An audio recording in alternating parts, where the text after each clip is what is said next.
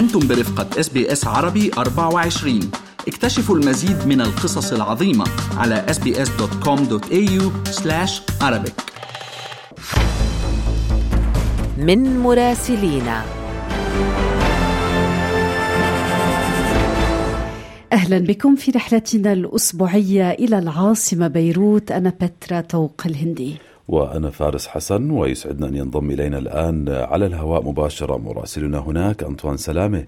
أهلا بك أنطوان. نبدأ بالملف الأكثر سخونة ارتفاع وتيرة المواجهات في جنوب لبنان. تزامنا مع ارتفاع التخوف من اندلاع حرب. في وقت يعني يبدو التحركات الدبلوماسية ما زالت على قدم وساق آه، يعني وتواصل مع مسؤولين لبنانيين آه، كثر لتجنب هذا التصعيد.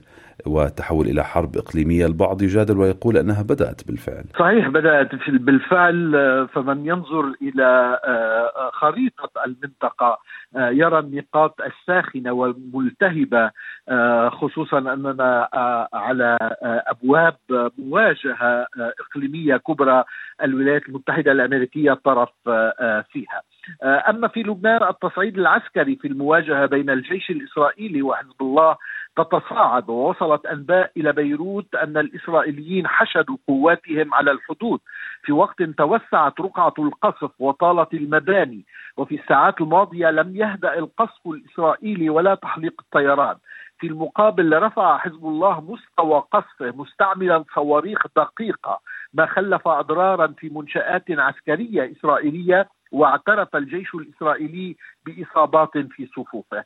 هذا التصعيد الميداني قابلته إشارتان ازدياد قلق الجنوبيين واللبنانيين من انزلاق لبنان إلى الحرب في المقابل فاجأ وزير الداخلي الخارجية عبد الله أبو حبيب بإعلانه استعداد لبنان لمفاوضات غير مباشرة مع إسرائيل لحل النقاط الخلافية على الترسيم الحدودي البري مع إشارته إلى أن وقف القتال في الجنوب صعب بسبب التهديدات الإسرائيلية كما قال وخرق القرار 1701 وجدد مطالبة لبنان بتنفيذه ولكن هذه المرة بضمانات دولية.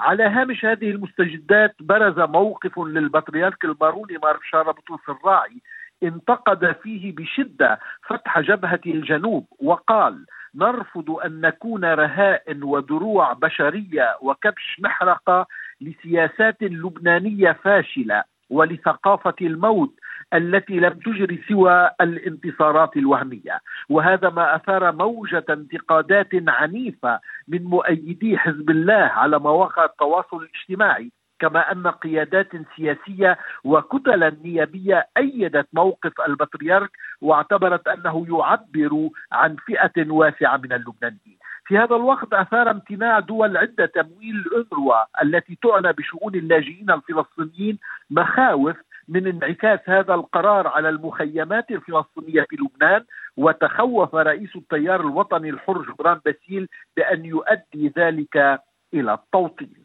أطوان ننتقل إلى الشلل ملف الشلل الرئاسي الذي تخطى عتبة العام سفراء المجموعة الخماسية تحركوا لوضع خارطة طريق لحلحلة هذا الملف باتجاه المسؤولين الرسميين والقيادات السياسية اللبنانية هل حمل الحراك الخماسي أي حلحلة لتحريك هذا الشلل؟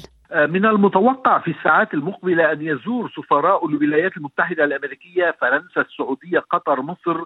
رئيس مجلس النواب نبيه بري الذي يملك دستوريا صلاحية تحديد موعد لانتخاب رئيس للجمهورية.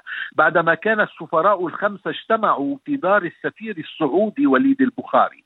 حتى الآن يتحرك السفراء بتكتم من دون أن يصدر عنهم أي بيان رسمي في وقت لفت الانتباه ما أعلنه وليد جنبلاط بأنه لا يمانع من وصول سليمان فرنجيه أو أي رئيس آخر إلى قصر العبده في حين اعتبر محللون كثر أن جنبلاط كوع كما يقال.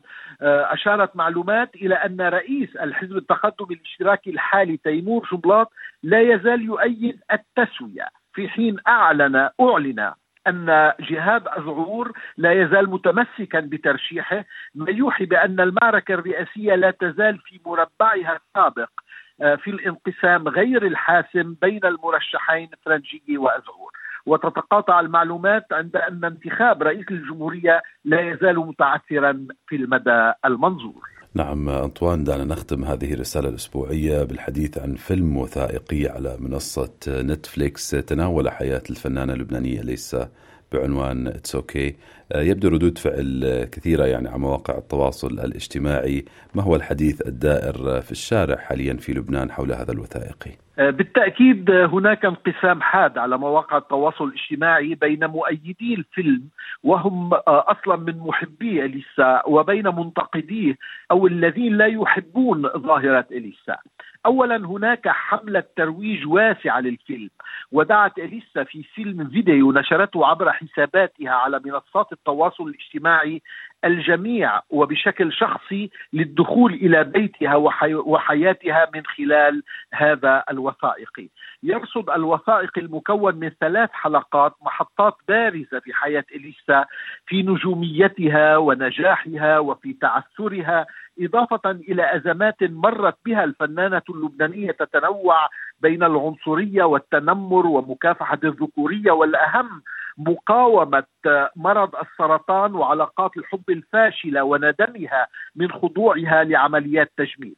يضم وثائقي It's Okay رحلة توثيقية عن واحدة من أشهر الفنانات في العالم العربي من الأكثر تاثيرا وتحقيقا للمبيعات أيضا والأكثر إثارة للجدل خصوصا في مواقفها السياسية وهذا ما قسم الجمهور اللبناني في تأييد هذا الفيلم أو في انتقاده بشدة. مهما قيل في فيلم It's Okay فهو فيلم جريء تكشف فيه إليسا للمرة الأولى عن فشلها في الحلم.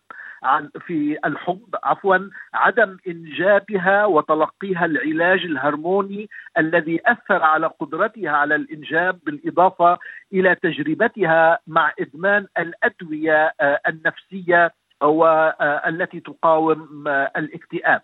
على كل حال يعني على المستمعين والمستمعات مشاهدة الفيلم المتقن والحكم عليه بعيدا من تعليقات الناشطين على مواقع التواصل الاجتماعي. شكرا من قلبنا لك مراسلنا من العاصمة بيروت أنطوان سلامي على هذه الإضاءة الأسبوعية. استمعوا الآن إلى الموسم الثاني من بودكاست أستراليا بالعربي. أحدث إصدارات SBS عربي 24 يأخذكم في رحلة استقرار بعض المهاجرين العرب ويشارككم بأبرز الصدمات الثقافية التي تواجههم عند وصولهم إلى أستراليا.